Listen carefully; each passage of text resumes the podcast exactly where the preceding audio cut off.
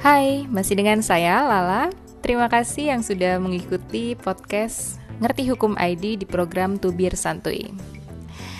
Kali ini aku mau bahas tentang COVID-19.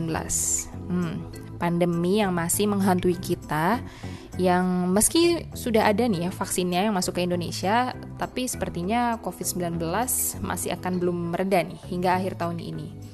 Karena buktinya aja pemerintah masih menerapkan pembatasan sosial berskala besar atau PSBB yang sekarang sampai sudah ganti nama menjadi pemberlakuan pembatasan kegiatan masyarakat atau PPKM.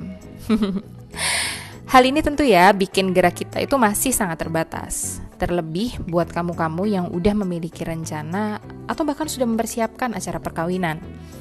Daripada sedih dan galau nih, apakah rencana-rencana tersebut bisa terlaksana? Berikut nih ada tips-tips untuk melangsungkan perkawinan saat pandemi COVID-19 melanda. Yang pertama, uh, kamu bisa ubah konsep perkawinan kamu menjadi virtual wedding Sebenarnya ini bukan hal baru kok, karena beberapa tahun terakhir banyak selebriti yang menayangkan prosesi perkawinannya secara langsung. Dan untungnya juga makin ke sini teknologi makin canggih-canggih. Jadi melangsungkan virtual wedding bukan lagi hal yang mustahil.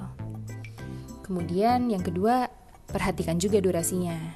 Ya, nama juga virtual, yang nonton juga mayoritas menyaksikan sambil beraktivitas. Nah, di sini usahakan ya agar durasinya jangan terlalu lama. Biar yang nonton juga nggak jenuh. Ya maksimal 2 jam cukup kali ya. Selanjutnya yang ketiga, pilih platform yang pas. Nah ini nih, platform untuk virtual wedding ini banyak banget. Apalagi platform media sosial seperti Instagram, Facebook, dan juga YouTube udah memiliki fitur live streaming. Atau juga kamu bisa menggunakan platform yang agak serius seperti Zoom, Webex, Google Hangout, dan juga Jitsi agar acaranya bisa lebih hikmat. Oh iya, jangan lupa untuk sesuaikan anggaran dan jumlah tamu yang akan menyaksikan acaramu ya. Kemudian yang keempat, siapkan juga perangkat elektronik. Nah, karena ini adalah virtual wedding, maka teknologi adalah kunci. Ya minimalnya kamu butuh laptop, kemudian ponsel yang kualitasnya mumpuni, dan juga tripod agar pengambilan gambarnya stabil. Kemudian jangan lupa juga untuk diuji coba sebelum hari hanya. Yang terakhir dan yang paling penting adalah vendor. Masih perlu vendor? Tentu. Meski banting setir menjadi perkawinan virtual, kamu masih butuh vendor.